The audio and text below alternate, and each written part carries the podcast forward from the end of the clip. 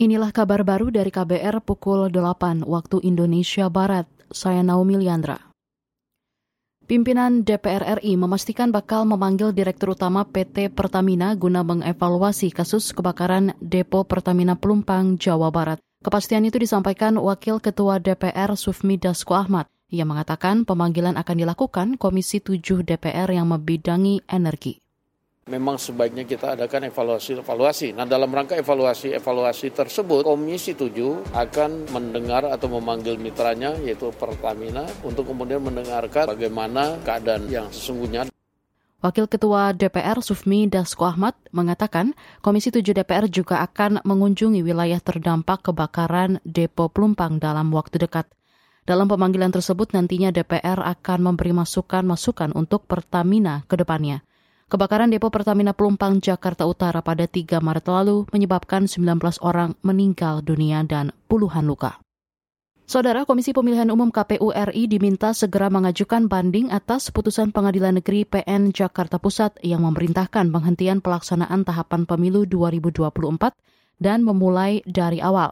Bekas Ketua KPU Ilham Saputra mengatakan langkah banding mesti sungguh-sungguh dilakukan KPU sebagai bentuk keseriusan penyelenggara yang diamanatkan undang-undang. Saya menuntut kepada KPU untuk kemudian memastikan seluruh prosesnya berjalan atau dipersiapkan dengan baik oleh KPU. Ya, ya. Karena saya juga sempat mendengar rumor bahwa KPU tidak tidak uh, apa menghadirkan saksi, kemudian juga uh, hmm. seperti tidak sungguh-sungguh gitu ya. Nah, tentu ini harus dijawab dengan bahwa KPU dalam persiapan uh, melakukan uh, apa gugatan atau melakukan banding tentu harus dipersiapkan dengan sangat matang. Itu tadi bekas Ketua KPU Ilham Saputra. Sebelumnya Ketua KPU RI Hashim Asyari mengatakan akan segera mengajukan banding atas putusan Pengadilan Negeri Jakarta Pusat. Putusan itu mengabulkan gugatan Partai Rakyat Adil Makmur Prima yang berujung pada konsekuensi penundaan pemilu 2024. Kita ke Yogyakarta. Pemerintah kota Yogyakarta mempertimbangkan untuk melarang bus pariwisata masuk ke dalam kota saat musim liburan. Pejabat Wali Kota Yogyakarta, Sumadi, mengatakan rencana itu untuk mengurangi kemacetan yang makin parah di kota Yogyakarta. Sumadi berharap uji coba larangan bus pariwisata masuk kota bisa dilakukan tahun ini.